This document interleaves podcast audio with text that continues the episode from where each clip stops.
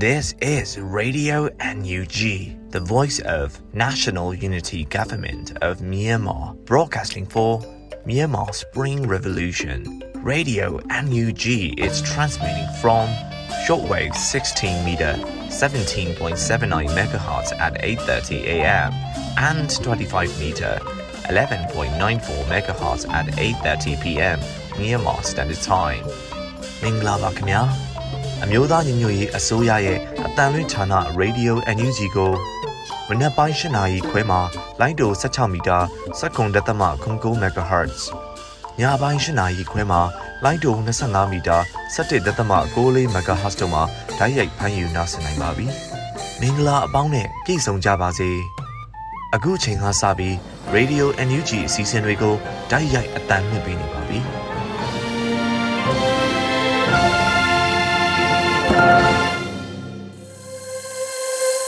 မြန်မာနိုင်ငံသူနိုင်ငံသားအပေါင်းတဘာဝပြီးစစ်အာဏာရှင်ဘေးရွက်နေကင်းဝေးပြီးကိုစိတ်နှပါကျမ်းမာလုံးချုံပေးကင်းကြပါစေလို့ Radio UNG အဖွဲ့သူအဖွဲ့သားများကဆုတောင်းမေတ္တာပို့သလိုက်ရပါတယ်ရှင်။အခုချိန်ကစပြီး Radio UNG ရဲ့ညနေခင်းအစီအစဉ်နောက်ဆုံးရသတင်းများကိုຫນွေဦးမောင်ကတင်ဆက်ပေးမှာဖြစ်ပါတယ်ရှင်။မင်္ဂလာပါခင်ဗျာ။အခုချိန်ကစပြီး Radio NUG ညပိုင်းသတင်းများကိုဖတ်ကြားတင်ပြပေးပါရမယ်။အခုတင်ပြပေးမယ့်သတင်းတွေကတော့ Radio NUG သတင်းတာဝန်ခံတွေနဲ့ခိုင်လုံသောမိဖက်သတင်းရင်းမြစ်တွေမှအခြေခံထားတာဖြစ်ပါတယ်။ကျွန်တော်ကတော့ຫນွေဦးမောင်ပါ။ပထမဆုံးတင်ဆက်ပေးမယ့်သတင်းကတော့ပြည်ထောင်စုသမ္မတမြန်မာနိုင်ငံတော်ပြည်ထောင်စုလွှတ်တော်အစည်းအဝေးမှာဖေဖော်ဝါရီလ9ရက်နေ့တွင်ထုတ်ပြန်ကြေညာချက်တရက်ကိုထုတ်ပြန်လိုက်တဲ့သတင်းအားတင်ပြပေးပါမယ်။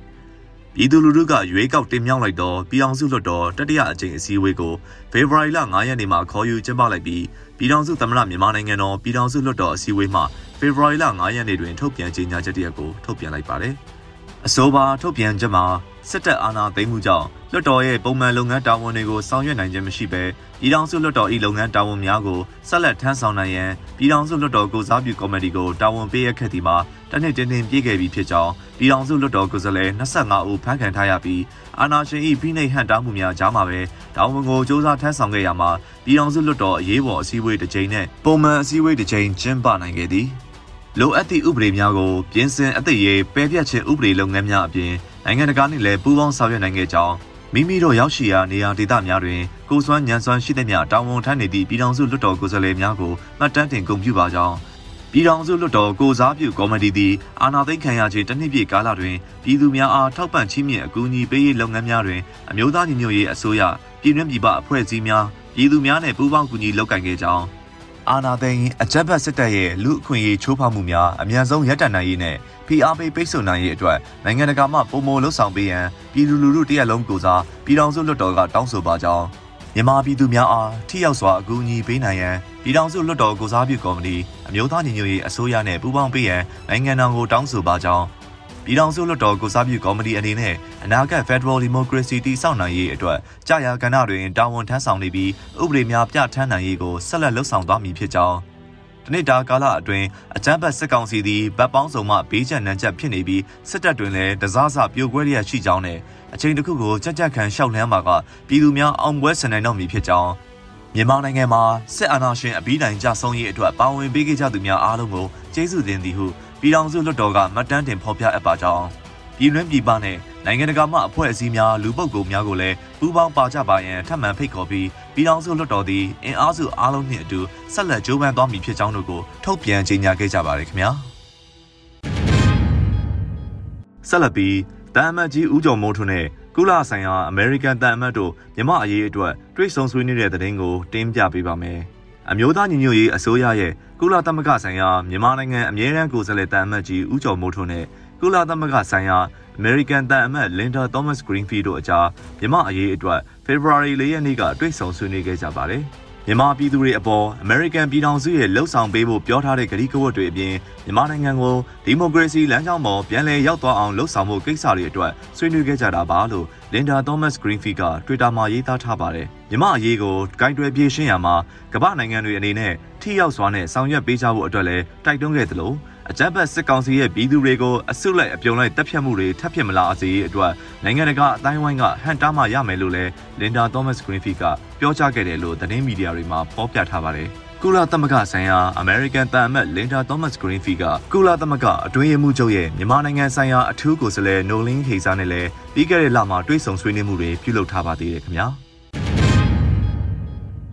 နောက်ဆုံးသတင်းအနေနဲ့စစ်အာဏာရှင်အမြင့်ဖြတ်ရန်အားလုံးစုစည်းမှုဖြင့် NUG အစိုးရကိုပူးပေါင်းဝန်းရံဖို့လိုအပ်တယ်လို့ KIO ဥက္ကဋ္ဌကတိုက်တွန်းလိုက်တဲ့သတင်းကိုဆက်လက်တင်ပြပေးပါမယ်။ February လ9ရက်နေ့မှာကြာရောက်တဲ့ကချင်ဒေါ်လာရေး62နှစ်ပြည့်ဒေါ်လာရင်းရဲ့အထိမ်းအမှန်မိကုန်းတွင် KIO KIA ဥက္ကဋ္ဌဗိုလ်ချုပ်ကြီးအင်ပန်လာကစစ်အာဏာရှင်စနစ်ကိုအမြင့်ကအစအကိုက်အခတ်မကြမ်းချိန်မုံနိုင်ရန်ဒိုင်းရင်သားဒေါ်လာရေးအဖွဲ့များအားလုံးဗန်းနိုင်တစ်ခုအောက်တွင်အတူတကွလှုပ်ဆောင်ကြရန်နဲ့ NUG အမျိုးသားညီညွတ်ရေးအစိုးရကိုဝန်းရံကြရန်တိုက်တွန်းပြောကြားခဲ့ပါတယ်။ KIO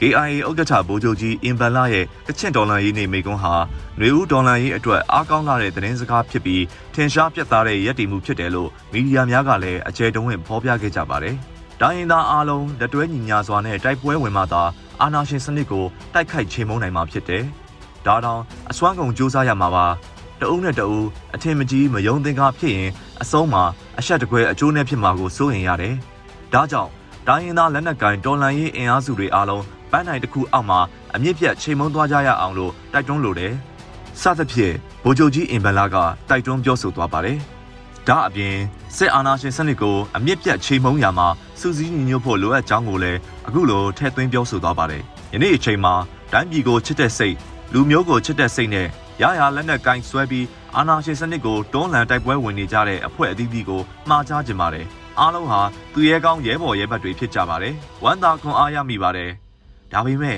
အားလုံးနာမည်အမျိုးမျိုးနဲ့လုပ်နေတာမျိုးမဖြစ်သင့်ပါဘူး။အာဏာရှင်စနစ်ကိုတိုက်ခိုက်ခြင်းမုန်းနေတဲ့အဖွဲ့အစည်းအားလုံးဟာ NUG အစိုးရနဲ့အတူလက်တွဲပြီးလှုပ်ဆောင်မှုလိုတယ်။ဒီလိုမှမဟုတ်ရင်ရေရှည်မှာပြဿနာတွေရှိလာနိုင်တာကိုသတိချက်ဖို့လိုတယ်လို့ဥက္ကဋ္ဌကြီးကဆိုပါတယ်။မိန့်ခွန်းတွင်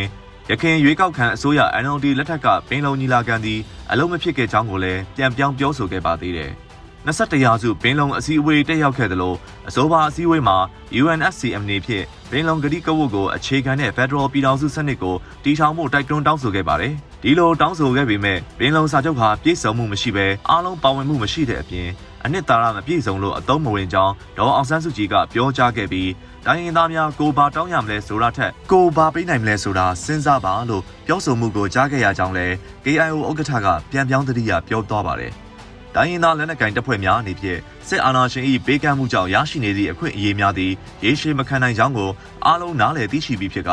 နောင်နောင်၌နောင်နာရသည့်အချိန်တွင်အချိန်နှောင်းသွားမည်ဖြစ်ကြောင်းလည်းမိန့်ခွန်းမှာပါရှိတဲ့အပြင်ယခုနှစ်တွင်တနိုင်ငံလုံးလဲတိုက်ပွဲများပြင်းထန်လာနိုင်ကြောင်းသတိပေးပြောကြားသွားခဲ့ပါတယ်။တိုက်ပွဲများပုံပုံပြင်းထန်လာနိုင်တာမို့မိမိတို့တိုင်းရင်းသားဒေသအသီးသီးမှာစားနပ်ရိက္ခာများဘူးလုံအောင်ထုတ်လုပ်ကြဖို့လဲဥက္ကဋ္ဌကတိုက်တွန်းပါတယ်။ နိုင်ငံရေးပြဿနာအကြက်တဲကာလကိုအသုံးချပြီးကိုကျိုးရှာစီးပွားရေးလုပ်ငန်းများကိုရှောင်ရှားဖို့နဲ့နိုင်ငံရေးအမျက်ထုတ်မှုအမျိုးမျိုးကိုလည်းရှောင်ရှားကြဖို့မိန့်ခွန်းမှာသတိပေးထားပါတယ်။ KIO Kachin Independence Organization ကို1960ခုနှစ်အောက်တိုဘာလ25ရက်နေ့တွင်ဖွဲ့စည်းတည်ထောင်ခဲ့ပါတယ်။ထို့နောက်လက်နက်ကင်တပ် KIA ကချင် Independence Army ကို1962ခုနှစ်တွင်ဖွဲ့စည်းခဲ့ပါတယ်။ KIA ကိုဖွဲ့စည်းလိုက်သည့် February လ9ရက်နေ့ကိုလည်းနှစ်စဉ်ကချင်တော်လှန်ရေးနေ့အဖြစ်သတ်မှတ်ကာအခမ်းအနားများကျင်းပလိရှိတာဖြစ်ပါတယ်။ရွေဦးတော်လှန်ရေးတွင်ကချင်တော်လှန်ရေးလက်နက်ကင်တပ်များသည်လည်းပြည်သူများနှင့်အတူတသားရဲရပ်တည်၍စစ်အာဏာရှင်အမြင့်ဖြတ်ရေးတိုက်ပွဲများကိုပြင်းပြင်းထန်ထန်ဆင်နွှဲလျက်ရှိပါတယ်ခင်ဗျာ။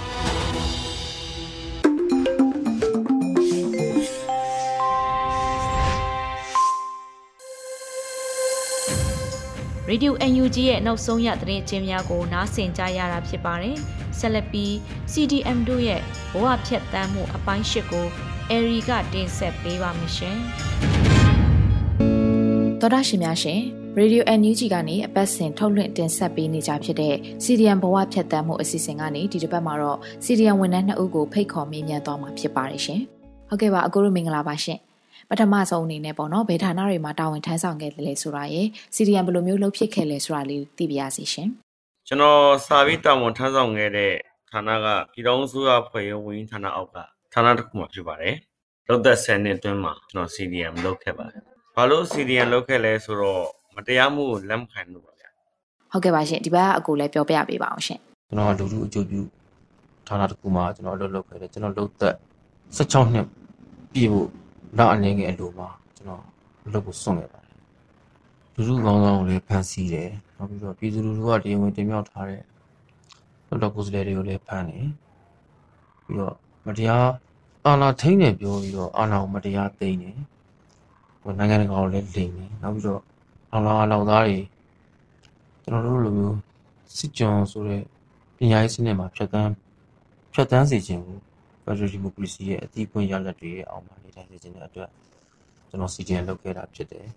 ဟုတ်ကဲ့ဒီပေါ့နော် CDN လုပ်ခဲ့ပြီးတော့အကိုတို့အနေနဲ့ဒါကြုံလာတဲ့အခက်အခဲတွေရှိရင်လည်းပြပြပေးပါအောင်ရှင် CDN လုပ်ခဲ့ပြီးချိန်ကာလလိုက်ကြုံရတဲ့အခက်အခဲတွေရှိတယ် PR တွေရှိတယ်အလုပ်တစ်ခုကိုကျွန်တော်တို့တည်ငြိမ်လုပ်လို့မရဘူးနောက်ပြီးတော့အခက်အခဲတွေအများကြီးရှိတယ်ချိန်ကြာလာတော့လည်းထောက်ပံ့တဲ့လူတွေအတွက်ကိုအခက်အခဲတွေဖြစ်လာတာပေါ့အော်ဟုတ်ကဲ့ပါရှင်အကိုရောဘယ်လိုအခက်အခဲတွေတွေ့ကြုံခဲ့ရပါလဲရှင် ကျွန်တော်တာဝန်ကျတဲ့မျိုးတွေကမီလာလောက်တွေကစပေးတံခံနေရပြီမိသားစုရဲ့ကလေးငယ်လေးတစ်ပတ်နဲ့ဆစ်ဆောင်ရတဲ့ဒုက္ခ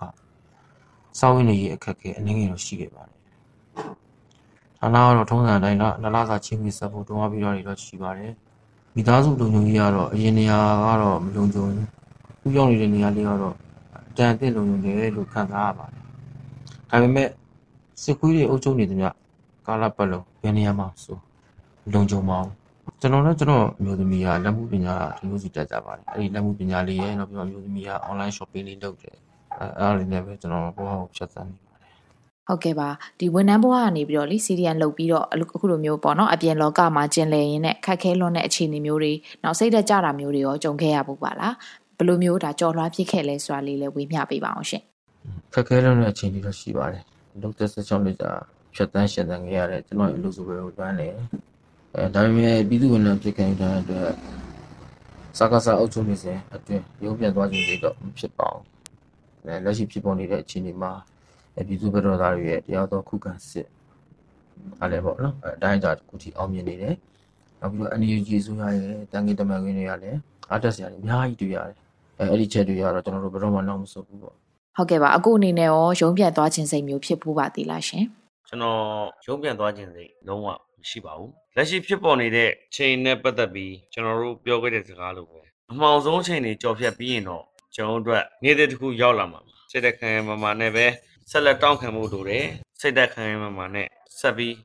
ရက်တည်နေဖို့လိုဟုတ်ကဲ့ပါပြည်သူဝန်ထမ်းတွေအနေနဲ့ပေါ့နော်ဒါပြည်သူတွေကိုတခုခုများပြောချင်တာမျိုးများရှိပါသေးလားနောက်ပြီးတော့ဒါကိုနဲ့ဘဝတူပေါ့နော် CDN တွေကိုရောဘာများပြောချင်ပါသေးလဲရှင် ပြည်သူတွေကိုတော့ပြည်သူဝန်ထမ်းတွေလည်းပြည်သူတွေနဲ့တသားတည်းရည်တည်နေတယ်ပြည်သူလူထုကရည်ချက်တင်မြောက်ထားတဲ့ပြည်သူဆိုတာပြန်လည်အာဏာရရှိချိန်မှာလုပ်ငန်းခွင်ကိုပျော်ရွှင်စွာပြန်လည်ဝင်ရောက်ချင်ပါတယ်ဘဝတူ CDN ဝန်ထမ်းတွေကိုတော့စိတ်တမကြပါနဲ့ပေါ့နော်စိတ်တမကြပါနဲ့အဲဒီလိုအချိန်မှာကျွန်တော်တို့ကြုံတွေ့နေရတဲ့အခက်အခဲအကျက်တွေဆိုတာအရေးတော်ပုံအောင်တဲ့အချိန်ကြရင်ကျွန်တော်တို့ပြန်ထိုင်ရမယ်အလုပ်စပွဲမှာဘဝသူစီရင်ဝန်ထမ်းတွေပြန်တွေ့မဲ့အချိန်ပေါ့နော်ပြန်ပြောင်းပြောရမယ် ဘဝအတွေ့အကြုံအစိပ်ပိုင်းလေးတွေပေါ့နော်ပြောပြောရှင်းရှင်းနဲ့ပြန်လည်မျှဝေချင်ပါတယ်ပေါ့နော်ဘယ်လိုပြောချင်ပါတယ်ပြည်သူတို့နောက်ပြီးတော့အကြံပတ်တွေဖန်ဆီးတယ်နှိစက်တယ်အကြံပတ်ဖတ်စစ်ပေါ့နော်ချင်းညာထက်နဲ့ခွေးစစ်တဲ့အမြင်ဆုံးကြောက်ဆုံးပါစေဟုတ်ကဲ့ပါရှင်အကိုရောဗာပြောချင်ပါသေးလဲရှင်ပြည်သူတွေအနေနဲ့လည်းပါဝင်ဖို့လိုတယ်ပူးပေါင်းပါဝင်ခြင်းမရှိရင်ကျွန်တော် cooperation မရှိရင်ကျွန်တော်အနေနဲ့ဒီအာနာရှင်စနစ်ဆိုးကြီးကိုအမြင့်ကဆွဲနှုတ်နိုင်ဖို့ဆိုမလိုပါဘူးအဲကျွန်တော်တို့စီရီယန်ဝန်ထမ်းတွေအနေနဲ့လည်းအ ခက်ခဲတွေအားလုံးကိုကျွန်တော်တို့စိတ်တူကိုယ်တူနဲ့အာတင်ပြီးတော့မှလက်တွဲညီညီနဲ့ကြော်ဖျမှာဖြစ်သလိုချင်းချင်းအားပေးကူညီရင်းနေတဲ့စီရောက်သွားမှာဖြစ်ပါတယ်ဟုတ်ကဲ့ပါအကိုတို့နှစ်ယောက်လုံးကိုဒီနေ့မှာအခုလိုမျိုးပေါ့နော်ဖြည့်ချပေးတဲ့အတွက်အထူးပဲကျေးဇူးတင်ရှိကြောင်းပြောကြပါရစေရှင်ဟုတ်ကျေးဇူးတင်ပါတယ်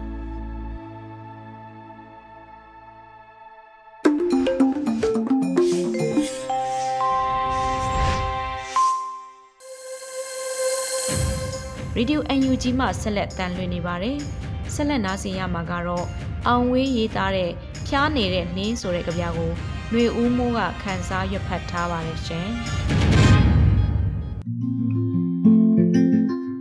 ဖျားနေတဲ့နှင်းတောင်ကုန်းလေးတစ်ခုပေါ်ကိုတက်လန်းတော့လမ်းခရီးမှာကျင်းငတ်တွေကို အဖော်ပြုတ်ခဲ့ရတယ်။ရေတွင်းလေးတစ်ခုကိုတွေ့တော့ရေငင်တောက်ရင်ရေတွင်းထဲကိုငုတ်ပြီး နှင်းရည်လို့អော်ခဲ့တယ်ခင်ဝမ်းဤနှင်းမှကောက်နှုတ်ချက်နှင်းတွေကြနေတာပါအိန္ဒိယနာမှာအောင်ဝေးအတွက်နှင်းတွေကြနေတာပါကိုခင်ဝမ်းရေခဲမှတ်အောက်ကိုနောက်ကျွန်းပစ်ပြီးရောက်နေတဲ့ညနေခင်းနှင်းတွေထူထူထဲထဲကျနေတယ်ခမည်းရဲ့လွမ်းတက်တဲ့နှင်းတွေတော့မဟုတ်ပါဘူးအခုကျနေတာကဒေါ်ကြည်အေးရဲ့နှင်းတွေလေနှင်းခင်းဖုံးကွယ် နိုင်ငံကျယ်စွာကျွဲဟန်ဆောင်သည်နှင်းမောင်ကန္နာရတကားတဲ့ကြည်အေးရဲ့ရက်ဆက်တဲ့နှင်းတွေပါကိုခင်ဝမ်းအမေရိကရဲ့အရှိတ်ဘက်ကမ်းရိုးတန်းမှာနှင်းမုန်တိုင်းကျန်းလန်တလားနေရဲ့အလဲပိုင်းကုန်းတွင်းကျအိန္ဒိယနာကတော့မုန်တိုင်းကိုဝတ်ဆင်မလာတဲ့နေကက်စနိုးတွေကြတဲ့ပေါ်ရေခဲမှတ်အောင်မမြင်ရတဲ့ကောင်းကင်အောက်မှာအဲ့ဒီနှင်းတွေဖျောက်ထားလို့ကျွန်တော် လမ်းပြောင်းနေတယ်ကျမအနှစ်20လုံးလုံးလမ်းပြောင်းနေခဲ့တာပါတဲ့လေထံကုန်းဝတ္ထုကြီးတဲ့ကကက်သရင်းအန်ရှောလိုပဲလေနတ်မင်းကြီးစုရဲ့မိကိုခိုးသူမဟာအကျဉ်းသားပရိုမီသီးယပ်ဟာဇီးအောင်တောင်ပေါ်မှာနေ့အခါရေခဲလှန်တန်နဲ့အထိုးခံရညကြတော့လင်းယုံကသူ့အသေးနှလုံးထိုးစိတ်ပြန်တဲ့ပြည်ပြေး၁၄နှစ်ကျွန်တော်ခက်တစ်ခုလုံးထိုးစိတ်ခံနေရတာပါဗျာ ကျွန်တော်ကနှဲမောင်ကန်နာရမှာကျွန်တော်ပြည်သူတွေကစစ်ကြောရေးကန်နာရမှာကျွန်တော်မပျော်ပါဘူးကိုခင်ဝမ်းရဲ့ခမည်းတော်ပိုင်သားတို့ငှက်တို့ကတော့အင်္ဂလိပ်မီဒီယန်ထဲကလို့ rolling in your graves ဖြစ်နေရောမလားခမည်းတော်၃ယောက်သားအုတ်ကူတွေထဲမှာလူးလှိတ်နေတော့မလားဒေါသနဲ့တောက်ခေါက်တန်ကတုတ်တန်အပြင်ကိုရှန်ထွက်သွားတယ်ကျွန်တော်တို့လေးယောက် ပန်ဆိုဒန်ဟောလိဝုဒ်မှာ33လမ်းညနေခင်းမှာငင်းခုံရင်ပလင်းကုံသွားတဲ့ရန်ဖြစ်ရင်ပြန်ချစ်သွားတဲ့ခမားရဲ့နောက်ဆုံးနေ့တွေအခုခမားဘယ်မှာလဲကိုခင်ဝမ်းတိုင်းပြည်ကတော့သွေးအလူလူတန်အလူလူခွေးယူဆွဲခံနေရပြီမနေ့တနေ့က February 1ရက်2022မြစ်ကြီးနားမနက်ခင်အဲ့ရမနိုးသေးတဲ့ကလေးမောင်ဖုံးခန့်ထဲ အသက်9နှစ်စစ်တပ်ကပြစ်တဲ့ကြည်စံထိသေရတဲ့ကြည်စံကကိုချင်းစာတရားမပဘူးပြစ်တဲ့စစ်သားကနှလုံးသားမပဘူးအိမ်နရံကိုဖောက်ပြီးကလေးကိုလာမှန်တဲ့ကြည်စံကဒီမှာနှင်းနရံကိုဖောက်ပြီးကျွန်တော်ရှင်ကိုလာမှန်နေလေကျွန်တော်မှာခုခံစရာဆိုလို့ကြပြာပဲရှိပါတယ်လွမ်းမြိုင်ကြေးရဲ့အဝေးမှာပြည်ပြေးဟာ စိတ်ပဲကြံနေလေအခုလဲအိမ်နောက်ကရေတွေခဲနေတဲ့ကံပေါ်မှာကျွန်တော်လမ်းလျှောက်နေတယ်လမ်းဆက်လျှောက်ရမယ်ဆိုတဲ့စိတ်နဲ့ပဲပေါ့အစိတ်တကလန်းတောက်မိမှားရင်တော့စစ်မိတ်စာကောင်ကိုတတ်ချင်နေတဲ့စိတ်ကအစိတ်နှစ်ကာလန်ထတ်တော်လဲဘယ်တော့မှမသိနိုင်ဘူးတေခြင်းတရားရဲ့ဟိုဘက်မှာဘာတွေရှိမလဲကျွန်တော်မစင်စားဘူးတေရင်ခမားတို့နဲ့တွေ့မှာပဲဘာအရေးလဲ လောကကမ်းပါမှာလွမ်းနေရသမျှကျွန်တော်အတိတ်ပဲရှိကျင်တယ်မိစ္ဆာရဲ့ပြစ္ဆမန်တပ်သားတွေကလည်းအတိတ်ဟရတဲ့အတိတ်ပဲမရှိတဲ့ကောင်တွေကအတိတ်ပဲသိကျင်နေပြန်တယ်စစ်တပ်ထောက်ခံရင်တက်ခံပေါ်ຫນွေဦးကကြိုးကျစ်နေပြီဆိုရင်ကျင်ဆိုးပေါ်ရေဆိုးသိမ်းစာအုပ်မှာအမှားစာရေးတာမွေသိမ်းညွန့်နဲ့အမွေငိမ့်မောင်ပေါ်သင်းတို့တော့ပိုင်တရေအချစ်နာနီအချစ်ရုပ်ရှင်ထဲကလို့ တနက်ချင်းရှင်ပြစ်ရတော့မယ်ငှက်ကတော့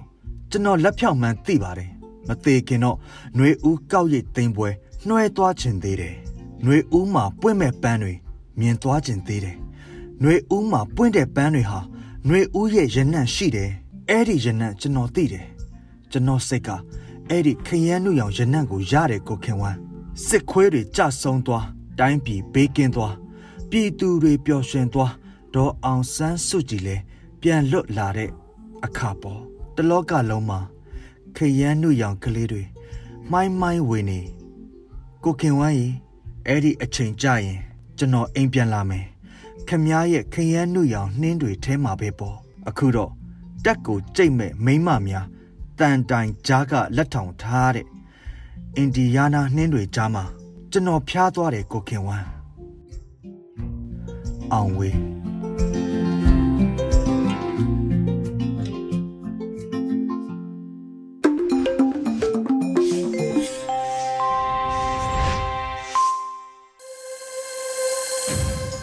ယခုဆက်လက်ပြီးရန်နိုင်ဖတ်ကြားတင်ဆက်ထားတဲ့တဘာဝပတ်ဝန်းကျင်ပျက်စီးခြင်းများနဲ့အတူတယံဇာရဆုံးရှုံးခြင်းများနဲ့တရားဥပဒေစိုးမိုးမှုအမြဘုံမခဆောင်းပါးကိုနားဆင်ကြရပါမရှင်။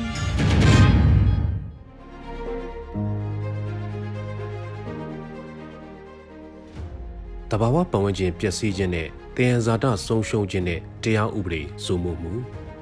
စစ်အာဏာသိမ်းမှုရဲ့အကျိုးဆက်ဆန္ဒပြမှုတွေ အသက်ဆုံးရှုံးရခြင်းတွေခုခံမှုတွေလက်နက်ကိုင်တိုက်ခတ်မှုတွေမြို့ကြီးရွာတွေမှာနေထိုင်သူတွေထွက်ပြေးတင်းရှောင်ရခြင်းတွေနေအိမ်နဲ့ပိုင်ဆိုင်တဲ့ပစ္စည်းတွေဖျက်ဆီးလူယူခံရမိရှုခံရတဲ့ဆုံးရှုံးမှုတွေကသတင်းတွေရဲ့နေ့စဉ်လိုလိုပါရှိနေပေမဲ့လေ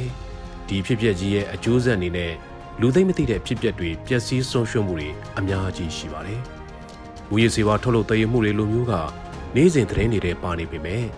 တဘာဝတည်ရန်ဇာတာဆုံးရှုံးမှုတွေ တဘာဝပတ်ဝန်းကျင်ပျက်စီးခြင်းလိုမျိုးကိစ္စရပ်တွေကသတင်းတွေထဲဖော်ပြတာနည်းပါတာတွေ့ရပါတယ်။လူသက်ဆုံးရှုံးမှာတော့တဘာဝတည်ရန်ဇာတာတွေလိုတဘာဝပတ်ဝန်းကျင်လိုအရာတွေကအရေးကြီးနေသေးလားလို့စောရကတက်ကောင်းတက်ပါလိမ့်မယ်။အခုလိုတဘာဝပတ်ဝန်းကျင်ပျက်စီးဆုံးရှုံးခြင်းတွေဟာနောက်နှစ်10နှစ်နှစ်20 30မကသောကာလတွေတိုင်းဒီမြေဒီရေပေါ်မှာနေထိုင်ကြသူတွေအတွက်ယာသီဥတုတွေရေကြီးခြင်းမြေပြိုခြင်းဂေဟစနစ်ပျက်စီးခြင်းတွေကိုဖြစ်ပွားစေမှာဖြစ်ပါလေ။ နောက်ကြီးပြင်းလာမဲ့မျိုးဆက်တွေအထိဒီတယံဇာတပျက်စီးဆုံးရှုံးမှုတွေက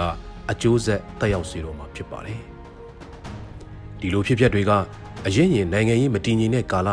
တရားဥပဒေမစိုးမိုးတဲ့ကာလတွေမှာလည်းဖြစ်ပျက်ခဲ့မှုတဲ့တာရကတွေအများပြားရှိပါတယ်။1988ရေးခင်းလိုကာလာတုန်းက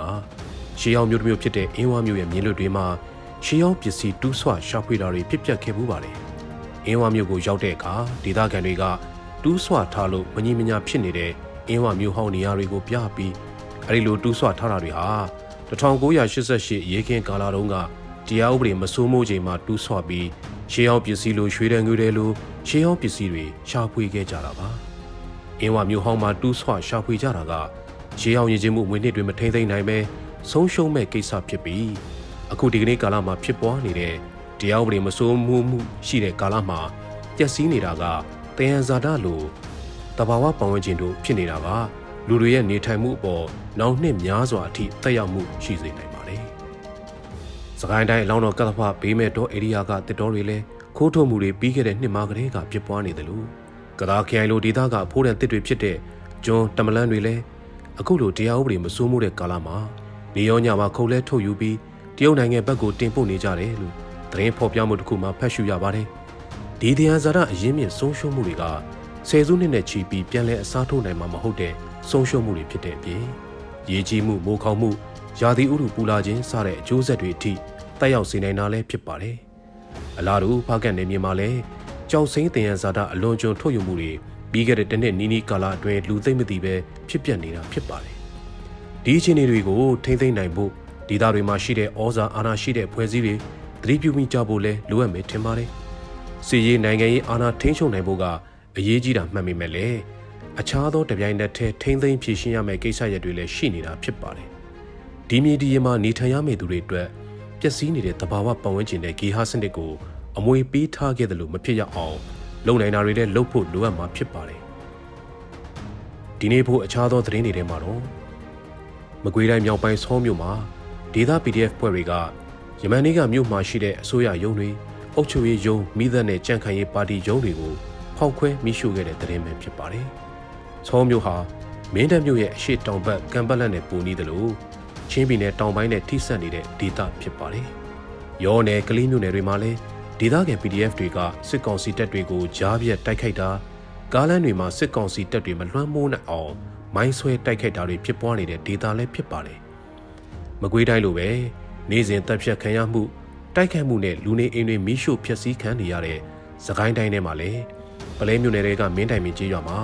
စစ်ကောင်စီတပ်တွေဝင်လာပြီးလူနေအိမ်တွေဆိုင်တွေကိုဖျက်ဆီးတာတန်ဖိုးရှိတဲ့ပစ္စည်းတွေယူဆောင်တာတွေလုပ်နေတယ်လို့သတင်းတွေထဲမှာပါရှိပါတယ်။မင်းနိုင်မင်းကြီးရွာဟာအရင်စစ်အစိုးရလက်ထက်က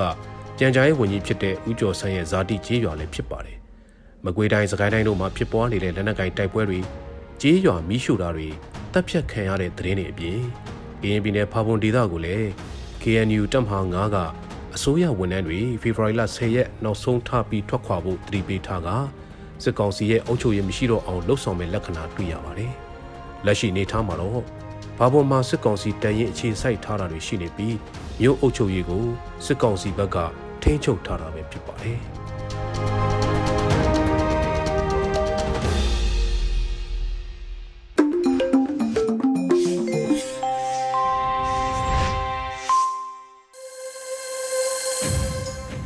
ဆက်လက်ပြီးတော်လှန်ရေးတေးဂီတစီစဉ်မှာကချင်မြေမှ PDF ဆိုတဲ့တော်လှန်ရေးတေးတပုံနဲ့ဖျော်ဖြေပေးလိုက်ပါရရှင်။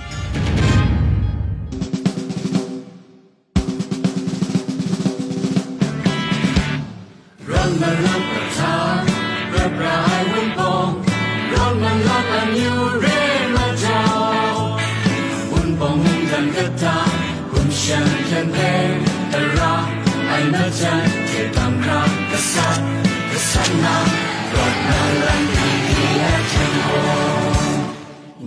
บอกไม่ก่อนนะ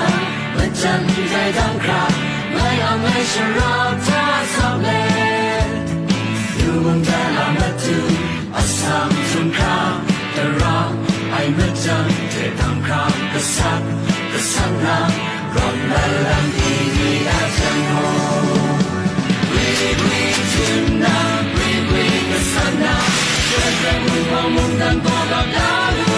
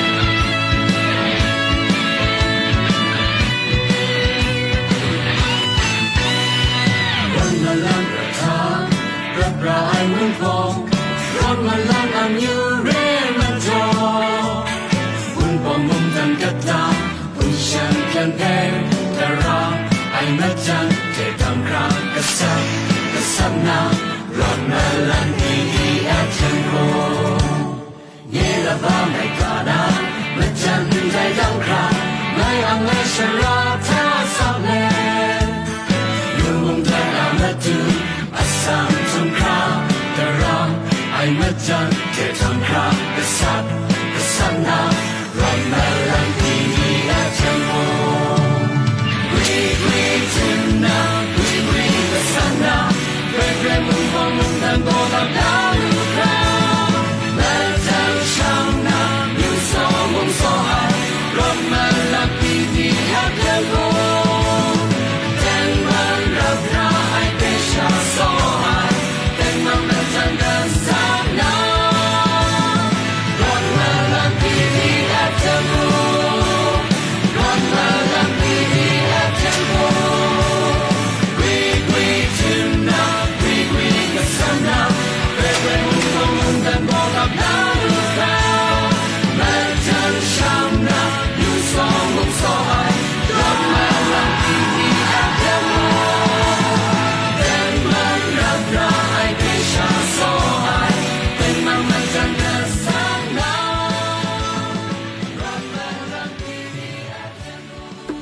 ကနေ့ကတော့ဒီညနေပဲ Radio NUG ရဲ့အစည်းအဝေးတွေကိုခਿੱတရနာလိုက်ပါမယ်။မြန်မာစံတော်ချိန်မနက်၈နာရီခွဲနဲ့ည၈နာရီခွဲအချိန်တွေမှာပြန်လည်ဆုံးဖြတ်ကြပါစို့။ Radio NUG ကိုမနက်ပိုင်း၈နာရီခွဲမှာလိုင်းဒို16မီတာ7.9 MHz ညပိုင်း၈နာရီခွဲမှာလိုင်းဒို25မီတာ17.6 MHz တို့မှာဓာတ်ရိုက်ဖမ်းယူနားဆင်နိုင်ပါပြီ။မြန်မာနိုင်ငံသူနိုင်ငံသားများကိုယ်စိတ်နှပြကျန်းမာချမ်းသာလို့ဘေးကင်းလုံခြုံကြပါစေလို့ Radio NUG အဖွဲ့သူအဖွဲ့သားများကဆုတောင်းလိုက်ရပါတယ်။အမျိုးသားညီညွတ်ရေးအစိုးရရဲ့စက်သွေးရေးတရင်အချက်အလက်နဲ့ဤပညာဝန်ကြီးဌာနကထုတ်လွှင့်နေတဲ့ Radio NUG ဖြစ်ပါတယ်။ San Francisco Bay Area အခြေစိုက်မြန်မာမိသားစုများနဲ့နိုင်ငံတကာကစေတနာရှင်များလှုပ်အားပေးများရဲ့ Radio NUG ဖြစ်ပါတယ်